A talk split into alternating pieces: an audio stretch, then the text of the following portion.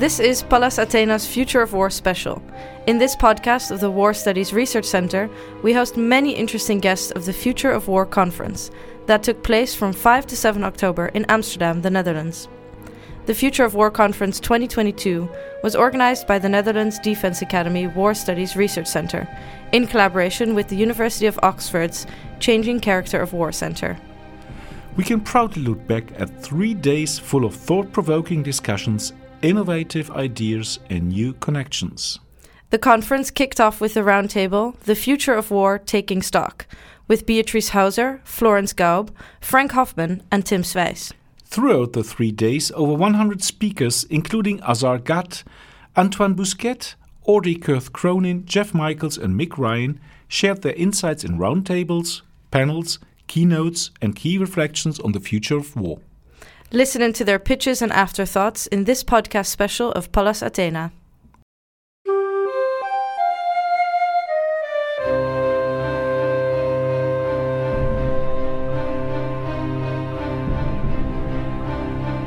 So, ladies and gentlemen, welcome back on the uh, third and final day of the Future of War uh, conference. We hope you had a pleasant uh, afternoon program yesterday. Um, it is the last day of the Future, War, uh, Future of War conference, but certainly not the least. As right now we're going to, to the new of to the next key reflection with a very distinguished uh, guest. The guest is uh, Beatrice uh, Heuser. Miss Beatrice Heuser, please.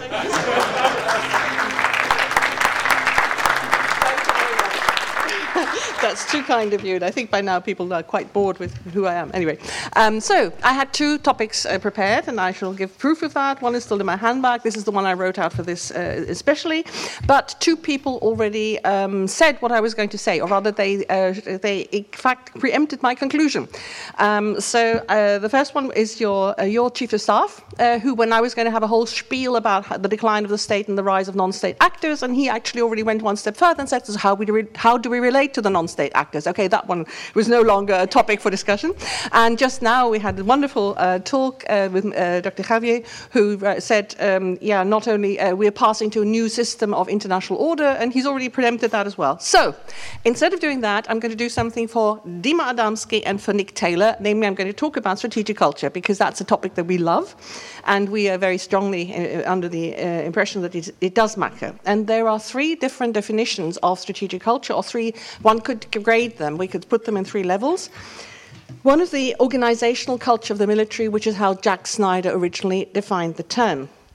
The second one is the culture of a strategic community, which in the UK Integrated Review has been defined very narrowly as only people somehow in and around government, but not people outside government. So I feel excluded from that, and I'm very annoyed about that. uh, but that's the, that's the culture of the strategic community. And the third one is what the French call uh, mentalité, collective mentalities, national mindsets. Uh, you can see that particularly in the work of Duroselle, and I think you need all three. You don't just need the military, uh, the organizational culture, which also Dima's work was on originally when he looked at the Soviet uh, military culture. Um, you also need, and he's now looking very much also at the organizational culture of the uh, uh Orthodox Church in Russia and its role. Uh, you need to go beyond that to the strategic community more largely, um, which is not to say that the other research is, is, is invalid. You just need all of those to understand. And the last one, the collective mentalities, that's very important because it is in, within those collective mentalities, it is within a system of thoughts that politicians will operate, opinion leaders will operate, and they need to be able to touch certain buttons and to evoke certain ideas which must be present and must have been cultivated over some time. I'm going to talk about how within those communities in order to be able to activate them and arouse a loyalty to them or identification with them. Now, I've already said to you before something which I um, think is very important, which is the multiple potentialities. I'm never quite sure whether it should be potentialities or just potentials uh, of a particular society, the multiple uh, possibilities of particular sets of ideas to come to the fore. And what we can do is we can identify these potentialities. We cannot, in my view, predict which one is going to come to the fore at any one time, but more still, uh, we cannot, uh, but we can, what we can do is we can, even if one is uh, receding or is recedent, and another one is dominating, we can identify that the recessive one can come to the fore at a later stage in a different configuration. And this is the bit where I have to follow Nick Taylor's uh, praise of Jeannie Johnson, uh, who was a student of Colin Gray's and mine.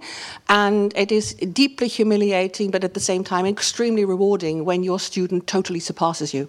Uh, and Jeannie Johnson has got this wonderful uh, term which is called anticipatory, anticipatory intelligence, um, where she's looking at what we can tell about a society, what we can tell about a culture where we can identify, and this is how I would put it, these multiple potentialities, which are one, two, or more ideals based forces, sets of ideas that can become an ideational force that are very important within society, which may come to the fore in future unpredictable circumstances or may be dominated by another, may recede by being dominated by another.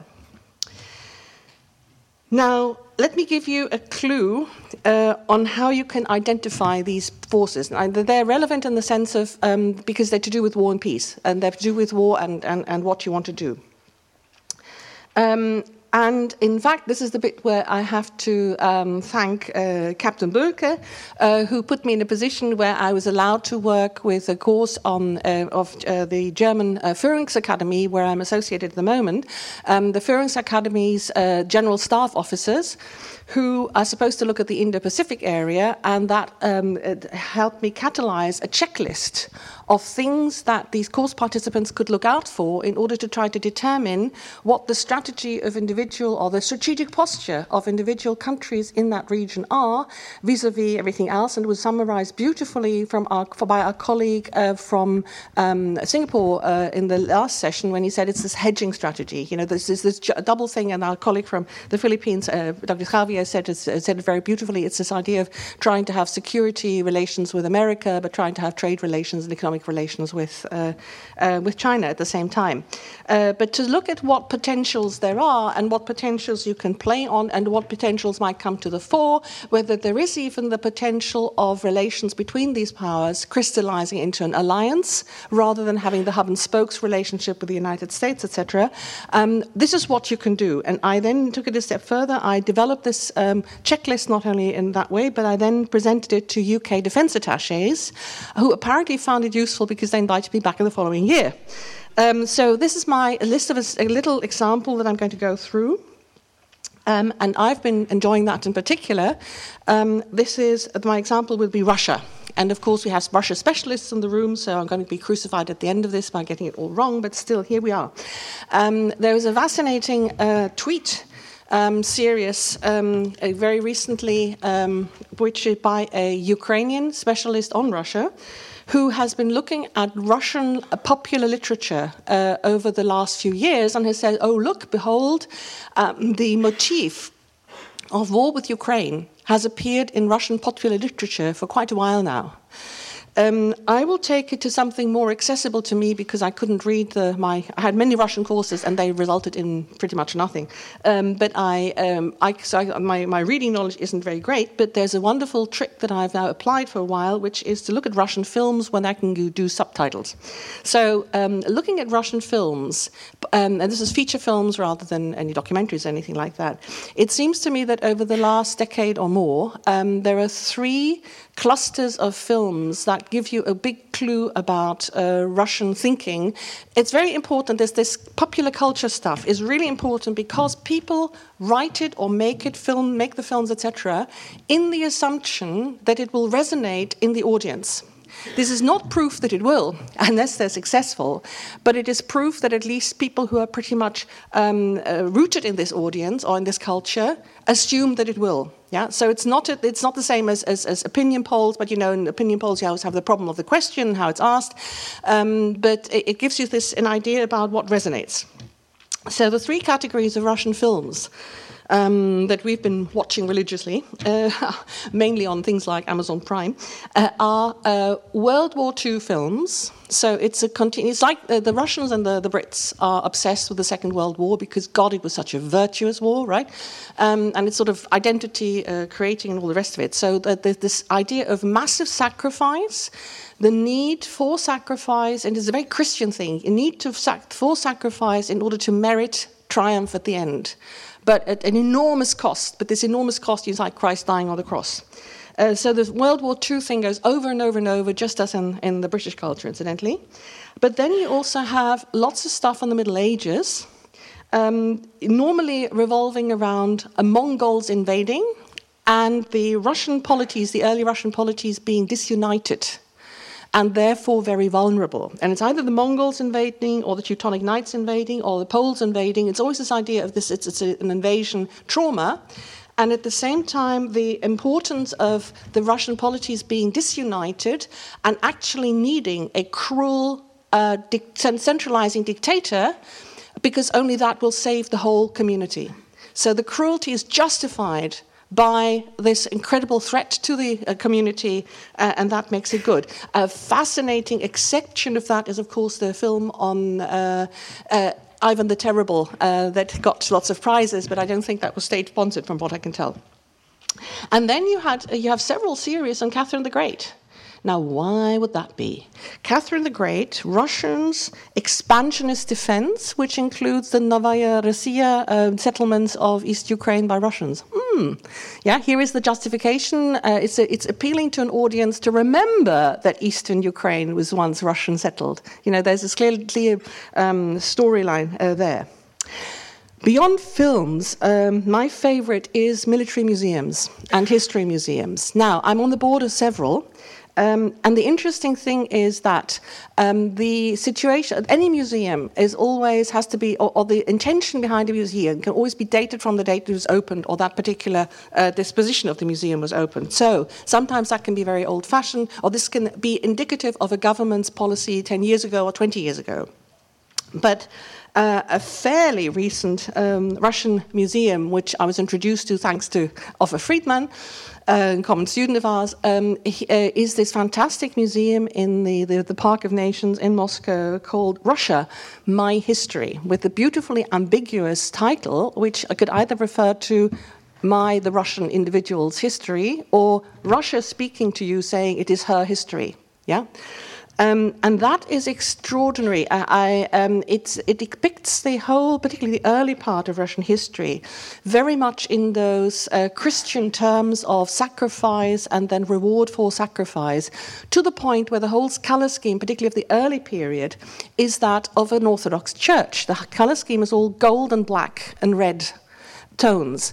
And it is to the point where uh, several Russian leaders who died in battle or something like that, or sacrificed themselves, have in front of them one of those electric candles. You know, so it's a candle that has a little electric flickering light in front of it, as though it was an icon. And it has, and in Congress room, it has a room which is called the ceiling of the Hagia Sophia in uh, St. Sophia in, in, in Istanbul uh, and Constantinople in it. So very interesting the whole way that's portrayed, um, very much in this uh, sacrifice and redemption theme. Um, and uh, in addition to that, uh, there's, there's one wonderful uh, museum where there's actually a list of tsars, and it says from Rurik to Putin. Okay, um, the narratives of history are more difficult for us to seize who don't read Russian, if we don't read Russian. Uh, but narratives of history in school books will be this other very important um, uh, uh, tra- uh, indicator, indic- indicator of what they're doing. And very quickly, more to more general terms that you can apply to many other to any other nation as well. You can try to monitor attitudes to violence, to corporal punishment and to women in the society. You know, the, the, the worse women are treated, the more uh, rape will be used as a, a, a tool of, of warfare. Um, but there's a very important element of the, the function of historical narratives, which will give you clues to attitudes to alliances. How dependent do you have to be because you're a small power? But how dependent are you willing to be? Give you the examples of uh, diff- now 20 different countries Belgium, France, UK. Um, every logic would have said that France should have, at a, a much earlier stage, tried to um, reduce the, the large, uh, the, the, plenitude of its different military uh, platforms because it simply is so difficult to, to afford. Um, but French uh, determination to be self sufficient in terms of defense, for historical reasons which I've gone into in various publications, um, has always dominated over that, very interestingly. Um, Belgium, by contrast, it has you know, very early on worked with the Benelux idea and look at the United Kingdom, which has this completely mendacious attitude to sovereignty, which is incredibly important vis a vis European allies, but somehow doesn't feature at all when it comes to the total dependency on the United States. You know, all of a sudden, sovereignty doesn't matter. You know, it is, it's, it's not, it is totally com- uh, compatible with that. Um, and it also, these historical narratives also tell you something about attitudes towards potential adversaries. Have you actually been at war within living memory with that adversary? It's very interesting how um, so many of the Asian countries that are hedging, having the hedging strategy, have of course experienced Japanese occupation but never Chinese occupation. So that really bad enemy image of they've been on our soil and they've done this to us isn't, is absent. And I'm coming to my end because I don't want to go exceed my 15 minutes. Um, I don't think uh, I was. We were very interested in the idea of the sacred values, and nevertheless, I think all these values are constantly manipulated by opinion leaders.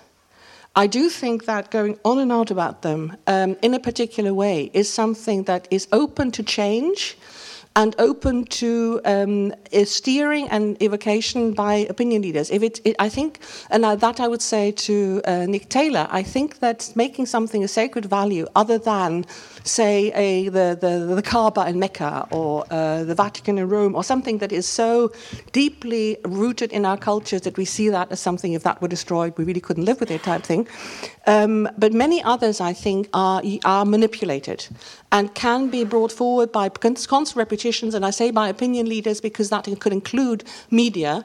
You know, when they say you really, really can't uh, do that, or this would be uh, something uh, if you if you touch that, um, it's about repetition. And, uh, and let me just again point to the extreme hypocrisy um, of the, uh, the campaign, the Brexit campaign in the UK, which made the NHS some sort of holy cow that had to be defended in this whole Brexit issue, um, when it was the same government and its predecessor which had reduced all spending on the NHS to the point where Britain had the smallest number of hospital beds per, per, per inhabitants uh, in the European Union, or the second smallest, or something like that. You know, it was so it was completely manipulatively put forward as a sacred cow to be defended, and as we all know, in a context where it was a complete lie that the uh, Brexiting would uh, benefit the NHS directly. So uh, beware of the manipulation by opinion leaders of these values. And I don't, I do agree. I think it's a brilliant uh, category to say there are these sacred values, but at the same time, I think they become sacred, or they are. Um, some of them may really be. I mean, as I said, the Kaaba and Mecca do not go anywhere near that. Uh, but on the other hand, or, or some cities. Um, just as final point, one of the things that endeared Russians to me greatly is when I found out that in Soviet strategy in the Cold War, they were going to to destroy all sorts of cities, but they were going to be an, a, do a descent operation, an air landing operation in Paris, because apparently Russians do have a little soft spot for Paris, which I share. So thank you very much for your attention.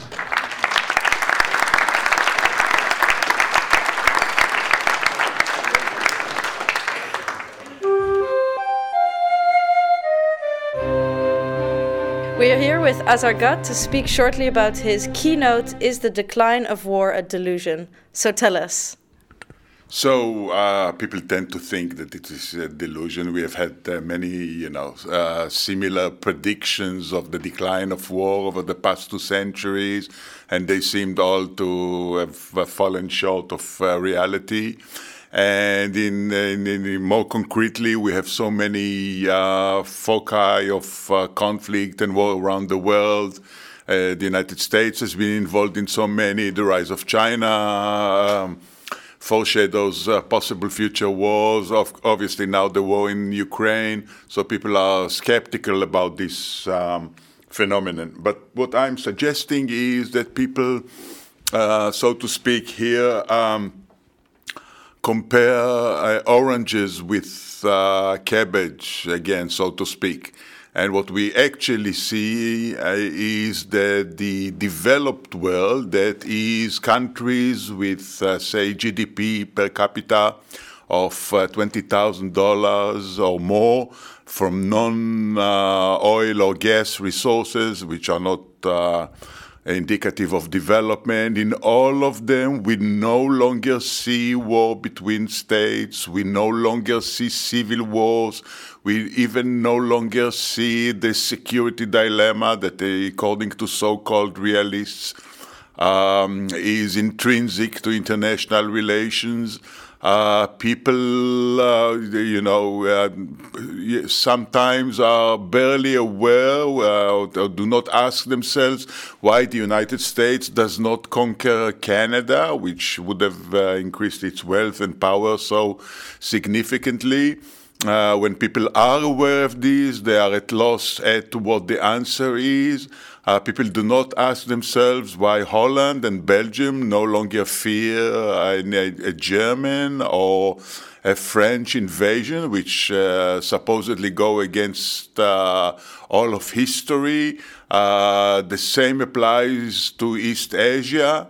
Um, where uh, Japan, uh, South Korea, and Taiwan do not fear at all a war between them, only threats from China and uh, and North Korea, and so forth. So, uh, so the so the world is uh, divided between a zone of war uh, which is uh, non-developed or the, the, little developed countries.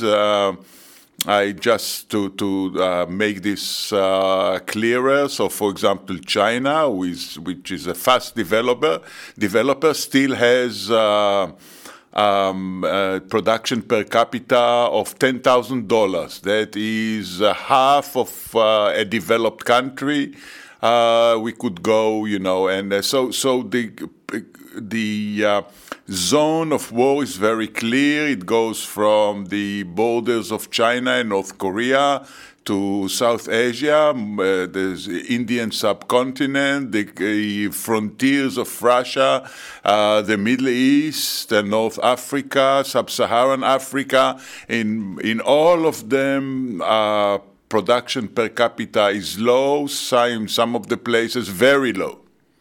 Whereas the uh, affluent part of the world, the most developed uh, parts, see uh, the, the practical disappearance of war. It, uh, to borrow a phrase from uh, Sherlock Holmes, uh, what we see in the developed parts is the what he called the strange case of the dog that didn't bark.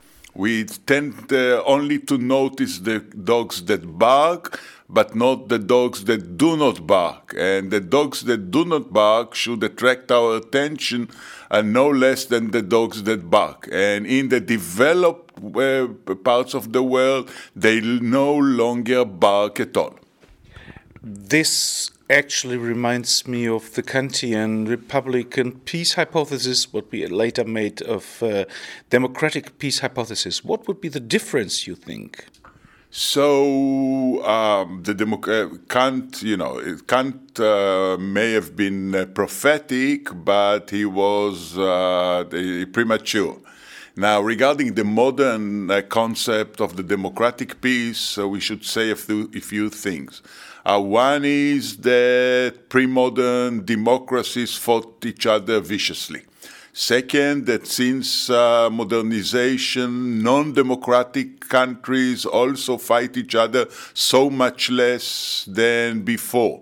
Uh, take, for example, in the 19th century, both uh, Prussia, Germany, and Austria, none of them a democracy. They all fought only a third of what they had fought in the 18th century, any uh, prior century. Uh, in addition, uh, so so democracies only changed when the rationale of development changed the choices and benefits of uh, of the peoples.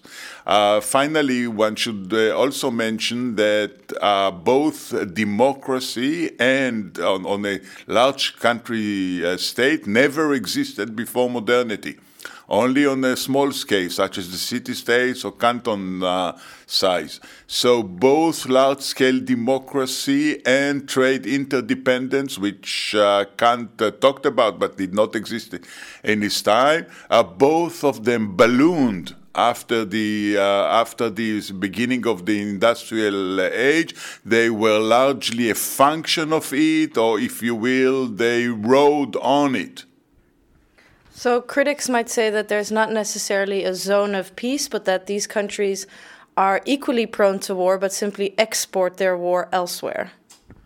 So there are some, you know, some deceptively attractive metaphors. Uh, this is one of them. Uh, what does it mean export the war? Why should they? I mean, what's the what's what's the idea of war for them that they need to export it? Um, uh, the, um, the fact of the matter is that throughout history, we know that the great powers, the most uh, powerful uh, um, players in the international arena, fought each other all the time. Uh, and they uh, and the wars were the most uh, decisive and the most destructive, and they do not do it anymore. Now, it's uh, usually people believe that the reason for this is the nuclear balance of terror, and of course, this is a, a hugely uh, important factor. But the fact of the matter is that we see the beginning of this of this trade in the 19th century, long long recognized to have been uh, the most peaceful in European history up until then, and in, during the 19th century, that uh, generally uh, the Pacific uh, century, uh, the bomb obviously did not yet exist. So, do you think these zones of war will remain as rigid as they are, or slowly start to also permeate these zones of peace or where wars are less frequently. So, so uh, all in all, this is an optimistic scenario because it tells you that once uh, development uh, fully reaches other parts of the world, and we know the development uh, expanded over the past two centuries. It began in Britain then uh, then expanded throughout uh, Europe and North America, and then you know some parts of uh, Japan and other parts of the world. We now see uh, East and uh, South uh, Asia going this through this tremendous process. So basically, when this happens, we might see something similar happening in these parts of the world, but we are not there and we there might be you know a lot of uh, of trouble before we get there. Thank you, Azar Gat, for your insights, and enjoy the rest of the conference. Thank you.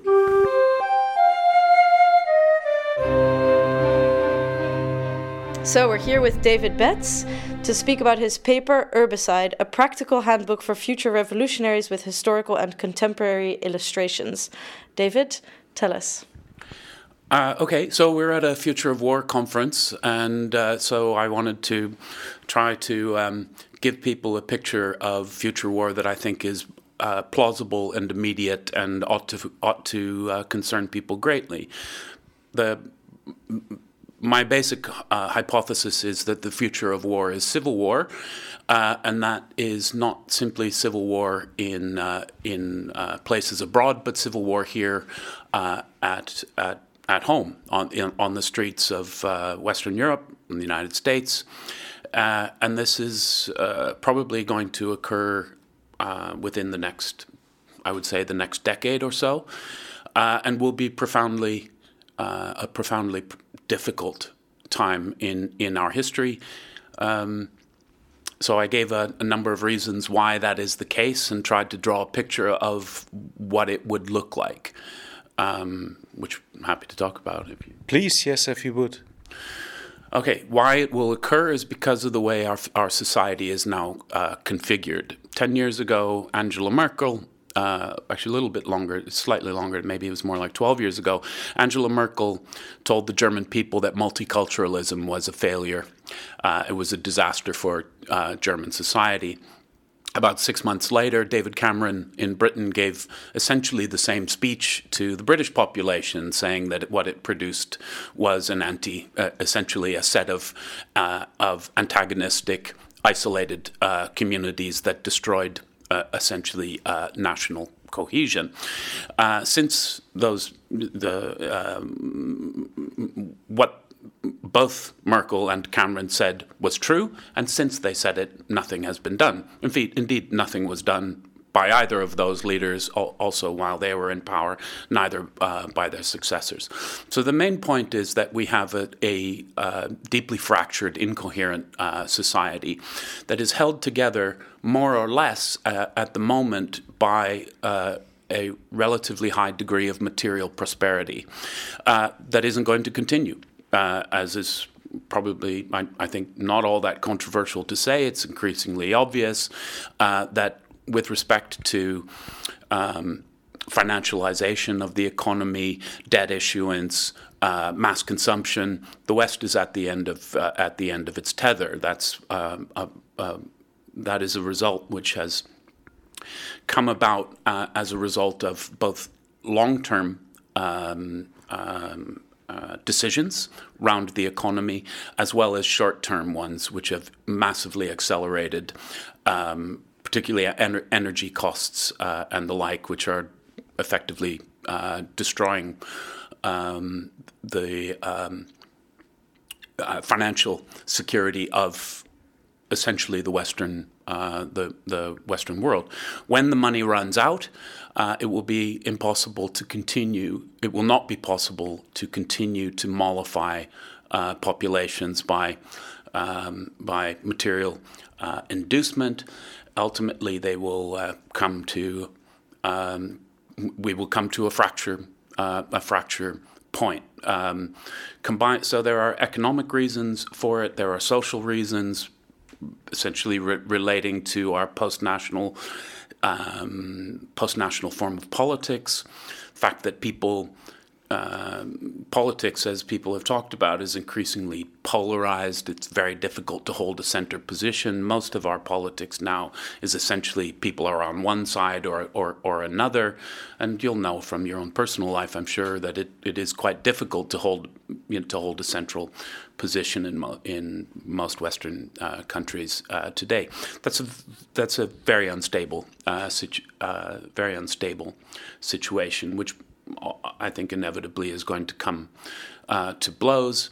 Uh, people don't believe in the political system anymore. The most commonly uh, reported political attitude in, in uh, a range of Western countries as shown by surveys, is not one which is uh, particular, not one that is over left and right.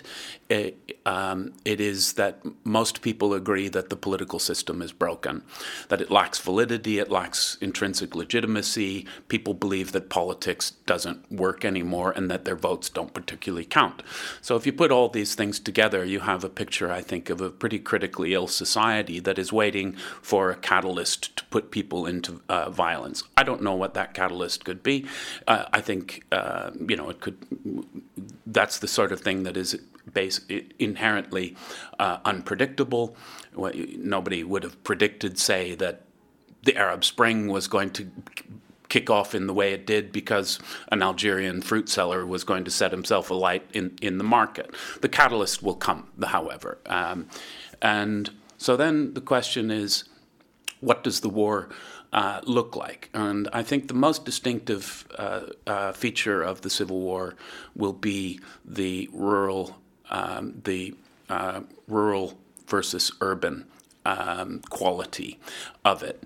Essentially, this the the big strategic idea of incipient revolutionaries is to cause the collapse of the cities by attacks uh, on uh, its supporting infrastructure.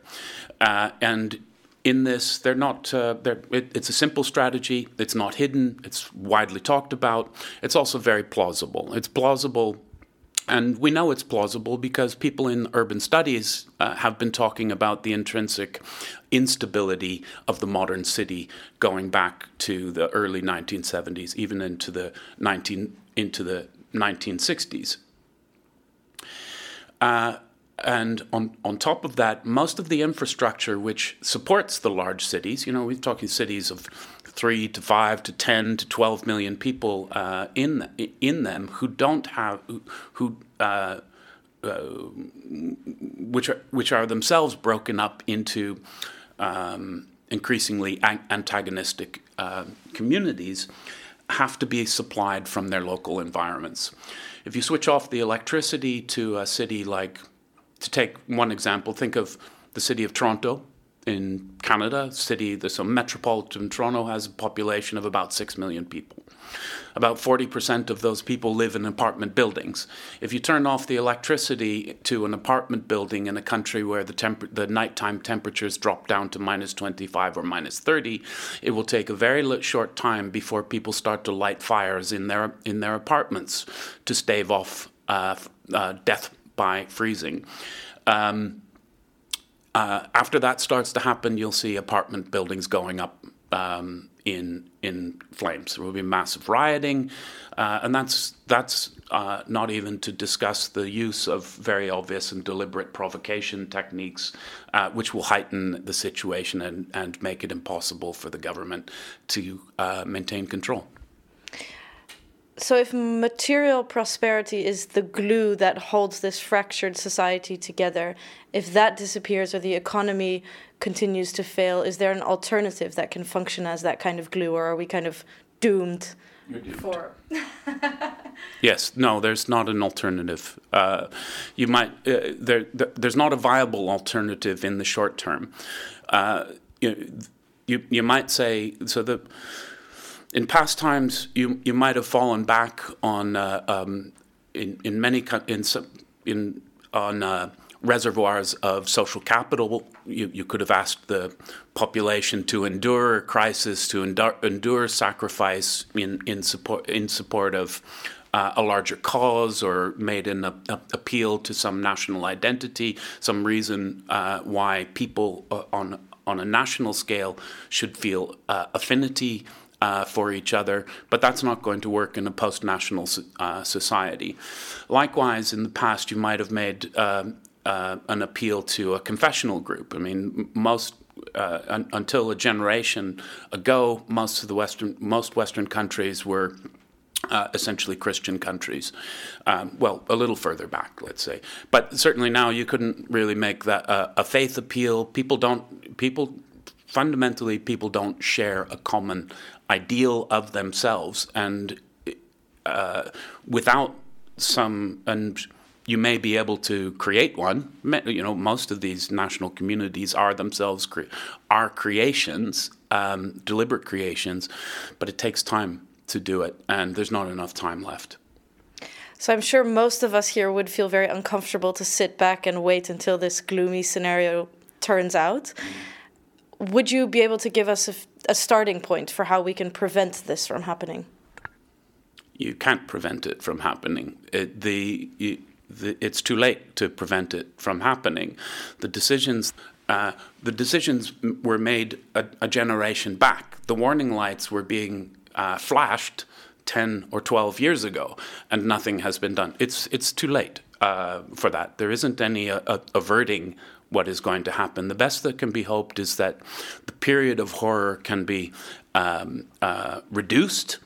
Uh, and that the levels of violence might be mitigated by some, you know, by uh, uh decisions uh, take, taken now. If people get serious about things and they uh, they they face um, the world as it, it is, um, there might be a chance of making things potentially less less bad but there's no way of, uh, of, of, I don't I don't think there's any way of avoiding uh, avoiding it aside from t- turning ourselves into a, a totalitarian society, which uh, wouldn't be a very uh, desirable outcome either.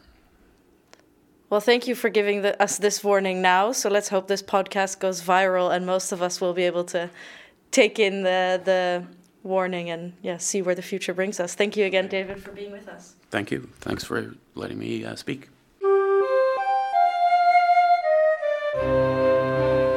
We're here with Frank Hoffman to speak about his keynote, The Second Industrial Revolution is the Past Prologue. We'd love to give our audience a snippet of the, all the insights you just shared with us. All right, thank you. Uh, so I'm, I'm doing a research project and I'm exploring the historical lessons from a period of great power competition and disruptive technological change. And I'm trying to learn some lessons from history from the end of the uh, 19th century and the dawn of the 20th century, because it's very similar to uh, how we see the geopolitical context today. Uh, here in the you know 2020s, we live in a world in which powers are rising, some powers are in decline, and there's a, a rate of or a spate of you know, disruptive technologies in biotech, robotics, drones, artificial intelligence. Um, there's a lot of opportunity. There's a lot of vulnerabilities, and I'm, I'm trying to explore how history can offer, you know, policy leaders in Europe and the United States some some lessons of mistakes to avoid and some opportunities to to look forward to. Uh, it's a very interesting history project. But um, it is a historical project. But on the other side, you are using some uh, perspective, uh, framework to look at it. Could you elaborate a little bit more on that? Yeah, so I'm, I'm come up with an analytic framework that's kind of my own and looking at you know the the national level, what we call uh, assessment and direction. You know, does the a country have the mechanisms and the understanding of uh, understanding the technological change? Do they understand their own economy? Uh, do they understand that their university base or their manufacturing base for robotics or drones or artificial intelligence is or is not adequate to the task or the competition that's going on. That's the first element. The second element in the framework is uh, strategic development and uh, direction. You know, are you shaping those industries? You know, providing uh, sponsorship to university research, providing um, you know, funding for innovations in the industrial base, in your manufacturing firms, and your labs, uh, to, to provide the strategic development of the capabilities you think you'll need in the in the world that you're going into. Uh, the third element is uh, what I call operational integration. Do you have uh, the capacity at the theater level, you know, for, for, a country like the United States or some of the European countries, if if you're going to deploy overseas, can you integrate your air your land and your information resources in time and place effectively in the field. And the final element is what I call operational effectiveness, which I think the most important element, but it's also the, the more operational or tactical thing. You know, do you do you understand the kind of war that you're in? Do you have the right kind of what I call the you know battle framework? Do you understand what it takes to win either in the air or at ground or at sea, or do you have an outdated model uh, in which you're probably going to lose uh, even if you have the right kit. Can, can you pull it all together? Uh, do you have the capacities, the capabilities, and do you have, does your does your forces have the proper skills to succeed or to fail? That's kind of the fourth element. So you use a number of case studies in your in your research, and I wonder to what extent do these case studies that are quite complex in themselves have value as well as limitations to understand these dynamics? Yeah, so I'm looking at four cases. Uh, Japan, uh, which goes through a remarkable transformation from the shogunate and the samurai kind of era of feudal uh, divisions to a comprehensive nation state, uh, which which created new industries and new firms had had a, uh, you know ministries created from scratch that already existed in most other countries. Uh, it's a remarkable rise in a short period of time from a state that was rather undeveloped and very divided.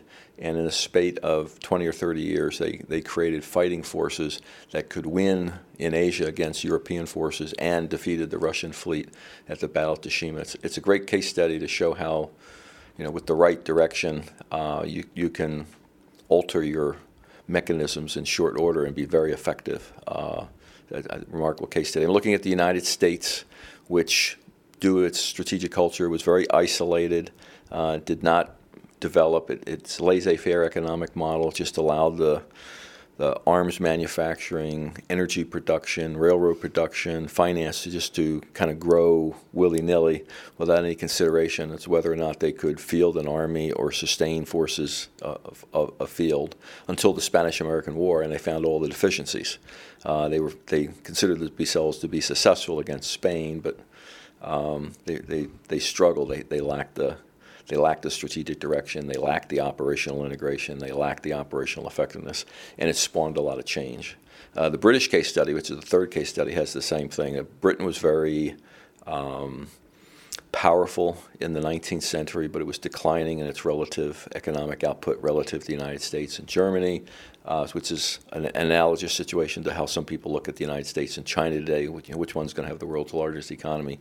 Britain thought of itself as being the most powerful uh, state in the world and the richest, but it was in relative decline to the United States and, and uh, Britain. And, and they evolved because the Second uh, Anglo-Boer War uh, showed that they had a lot of deficiencies. Uh, they thought that they were still military superior and found out that a couple of thousand farmers uh, could take modern weapons and adapt their tactics to the nature of the conflict and exploit the terrain better. And the British were using an out, outmoded uh, model of linear tactics, and they got themselves uh, defeated uh, several times in the first few weeks of the war by using the wrong battle framework. So it's a good case study for highlighting uh, you, know, you can't rest on your laurels, and you just because you're fighting irregular forces, as we found in Afghanistan and Iraq, uh, the United States found themselves, you know, pitched up in some battles that you know they, they didn't win at the tactical level, and the Brits had to adapt in that war, and they had to learn how to use um, telegraph, how to use cannon better, uh, and after the war, I think it took them some time, but they became a, a much better military, just in time for World War One. And I'm and looking the, at the last one, the last uh, case study. The case study I have not yet written and have not done any research on yet is uh, Germany um, in the same period of time, and you know they begin much more dominant in the military sense when um, you know Germany defeated Prussia defeated uh, the French in 1870 and 1871 with again superior strategic direction. The government subsidized the railroad. They subsidized the railroad to mobilize combat power in the direction that they had anticipated. You know, towards Paris, towards their border. Uh, their uh, national uh, economy was uh, suited and set up to uh, guns, gun manufacturing and artillery manufacturing with the Krupp industries. They created the national capabilities. Uh, they had a staff school. Their military is much more professional than the American and British models. they put their officers through the kind of you know rigorous education in thinking about the future of war. They had the right framework to be successful. That that would have been my question. Now, what does this mean for our future of war nowadays? Well, and do we understand how cyber and artificial intelligence and precision munitions and drones how has that changed the battle framework? Are we overinvested in armor tanks that can be defeated from the air?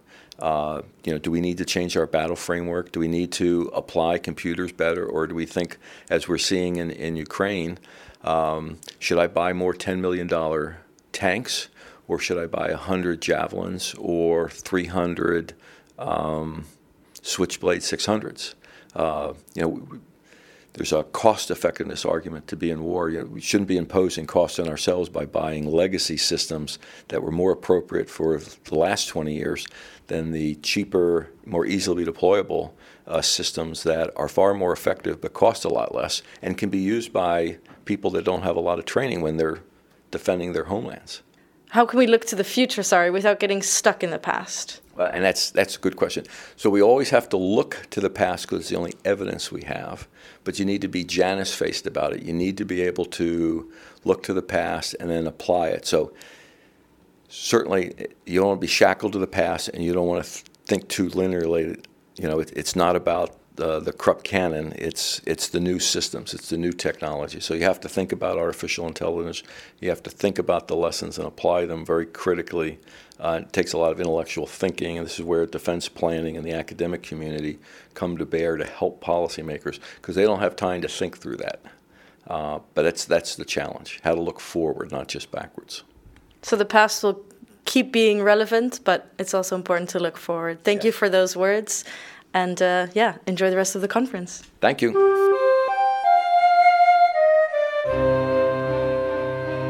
We are here with Martijn Kitse, uh, one of the organizers actually of the conference. So, Martijn, we're wondering, what is the general impression like so far?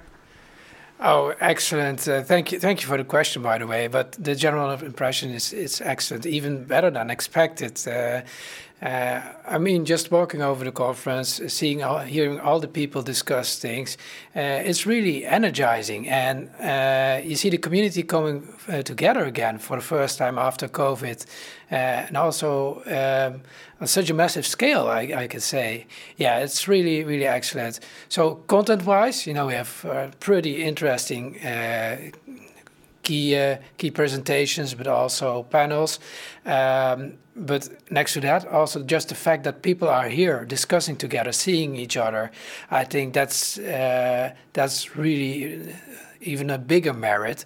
Uh, and I look forward. Actually, got quite some ideas for new projects. I've been talking with people, so start looking forward from here, and excited about the new projects that are coming.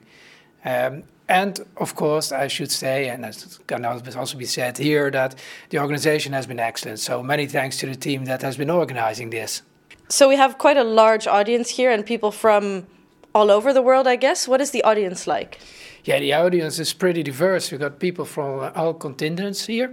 Um, it's uh, also, we have practitioners, but scholars, of course. I think most, uh, most people attending are scholars.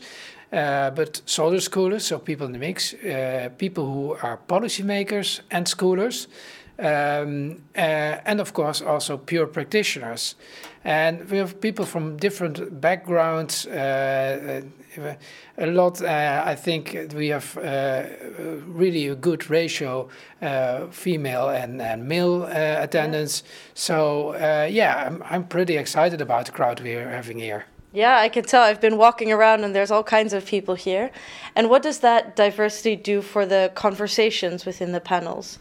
Oh, that's uh, something actually you are experiencing. So there are so many different views and different angles. Mm. So uh, that's really contributing to the quality of the discussion because because you got more input, more different views, and uh, really it's yeah bringing forward new ideas because it's it you have so such a diverse input in the discussion uh, that you got many different ideas, and it's really reinvigorating this. Yeah, I've noticed there's a lot of energy going around here. So this is the first Future of War conference that has been hosted by uh, Oxford as well as the Netherlands Defense Academy. Is it the last? Oh, it's uh, actually we had one conference before, but it was not on the future of war, but on the conduct of war in the first two decades of the 21st century. Um, so, if it's up to me, this will definitely not be the last. I think this this is like more, and uh, I think we got now a good idea how to organize it and what are we will evaluate it and look at uh, at yeah we'll, we'll get some lessons learned from this and we'll learn and get an even better conference next time. Well, I look forward to seeing you next time. Thank you so much, Martijn Kitze.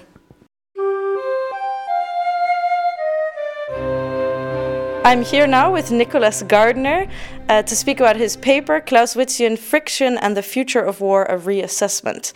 So tell us, what does your paper speak about in a few brief minutes? Uh, thanks, Dorth. I, I, my, my paper, in a nutshell, applies a very um, old theory to explain new technological developments.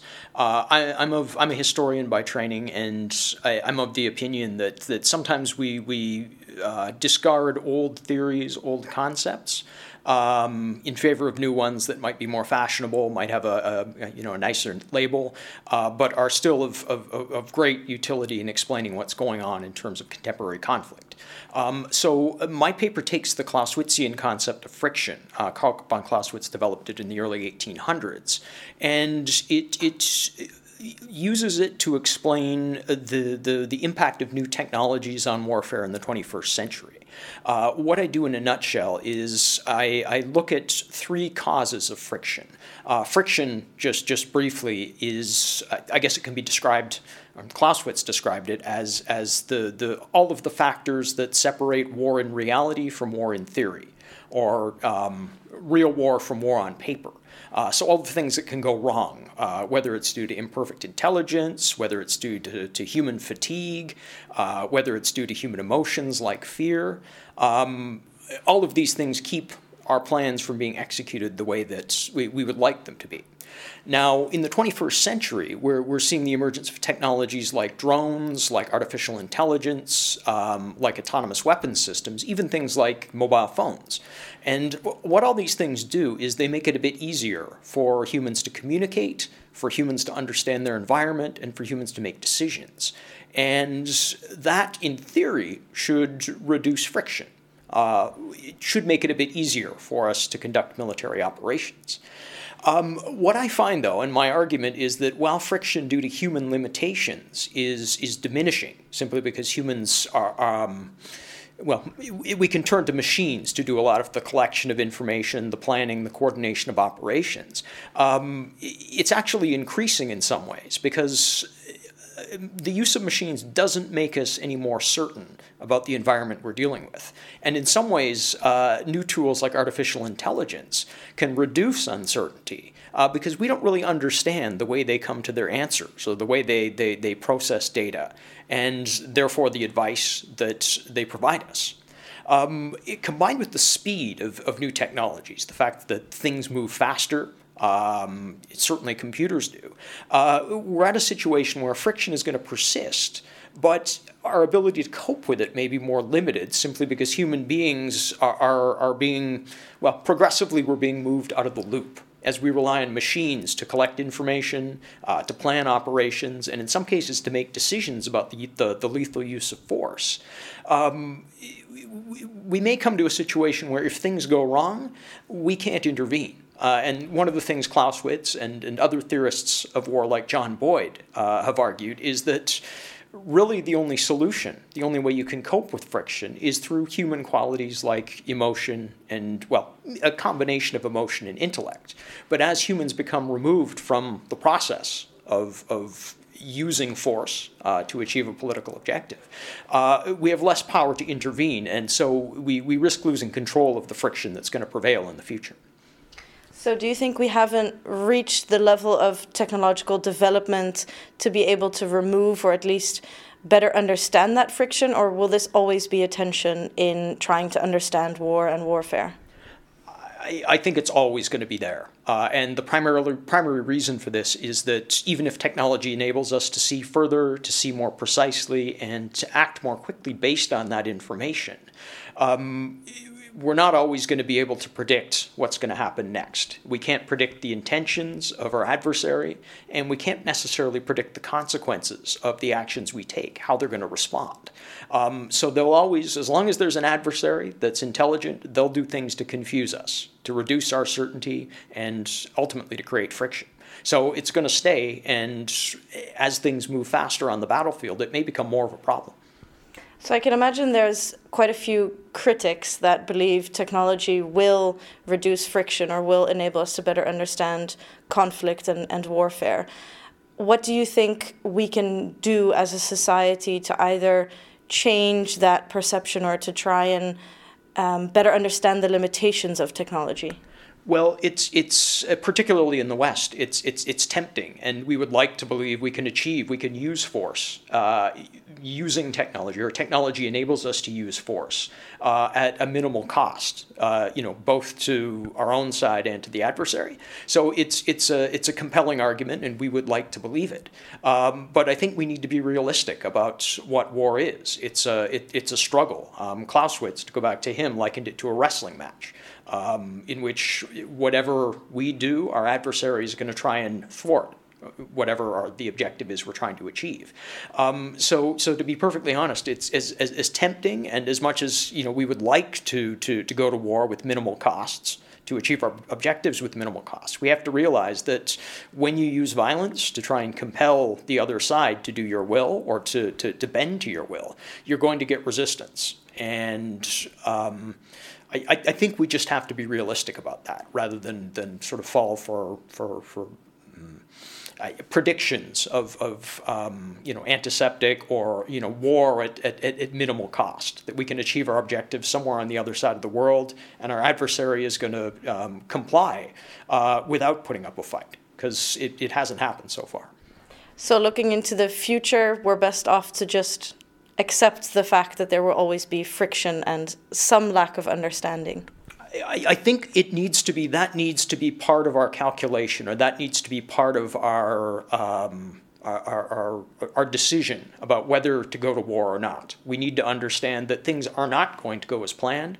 We're going to be surprised at one point or another, and when that happens, there are going to be costs. So I, I think it's important um, when, when societies consider going to war and when their leaders consider to go, going to war um, to, to, to reflect on the potential costs up front and, and, like I said, be more realistic. So let's see how that plays out in the future. Thank you so much, Nicholas Gardner, for being here with us today. Thank you.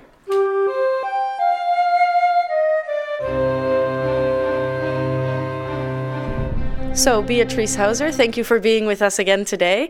So, what did you take away from the final roundtable of this conference, The Future of War? What have we learned? I'm taking away from this exactly the same thing, actually, that I'm taking away from the overall conference. And I must say, this overall conference has been absolutely smashing with Tim Sweijs and Martijn Kitzen, finding so many topics by opening the forum entirely to, uh, in their call for papers, to proposals that they have then proceeded to cluster and bring forward under so many different topics, which ranged all the way from dealing with ideas to the fog of war, to legal issues of artificial intelligence. So it was an enormous spectrum they covered. And in the round table, we really were overwhelmed by the question of what we'd taken away because there were so many different things on so many different panels. It depended a little bit on the panels we were at. Crucially, perhaps to summarize, one of the things is that we need to talk to each other coming from different disciplines, and this conference gave us an invaluable opportunity to do so. So, although we talked about a lot of things, as you mentioned, are there some gaps or some things that we missed during this conference? Um, probably two areas. One area in particular that we tried to stop short of imagining what future war would really look like in terms of destruction, suffering, casualties, and how if we inflicted them on others, that would infect, uh, uh, affect others but also how, if they inflicted them on us, how that would affect our societies and our society's resilience. So that's an area I think really should be um, explored further. Um, but the other one is also to see to what extent we have to think of ourselves as shaping the future. Um, we ourselves contribute to what the future war is going to be like by the omissions or the actions that we take in preparing for future wars. I think we ought to attribute to ourselves more agency there and think through to a greater extent how we can condition that future and those future wars in the interest of our own values, in the interest in limiting wars and in limiting the sufferings, and yet achieving the political ends for which wars are fought. So, although we all wish wars would come to an end today. Unfortunately, this is not the case. So, what does everything we've learned here mean for a future research agenda? Um, uh, just on the future of wars, I think we are still hoping that we can outlaw war as it is has been outlawed since the Briand-Kellogg Pact of 1928, and make it increasingly like a fight against criminality in within domestic societies. So while I agree that war is not going to go away, I hope that we can in future see it as exceptional, as something that is criminal, in which the international community gang up on the uh, culprit, uh, culprit who has started war. Um, but uh, within that, we have to find ways in which we can limit police actions in terms of the suffering they cause, but not in terms of the decisive effects that we want them to cause. One crucial thing never to lose sight of, we had a whole debate about the meaning of victory in that context, is that what we need to have at the end of a war is a better peace with which all sides can live. That must never ever be something we uh, lose sight of.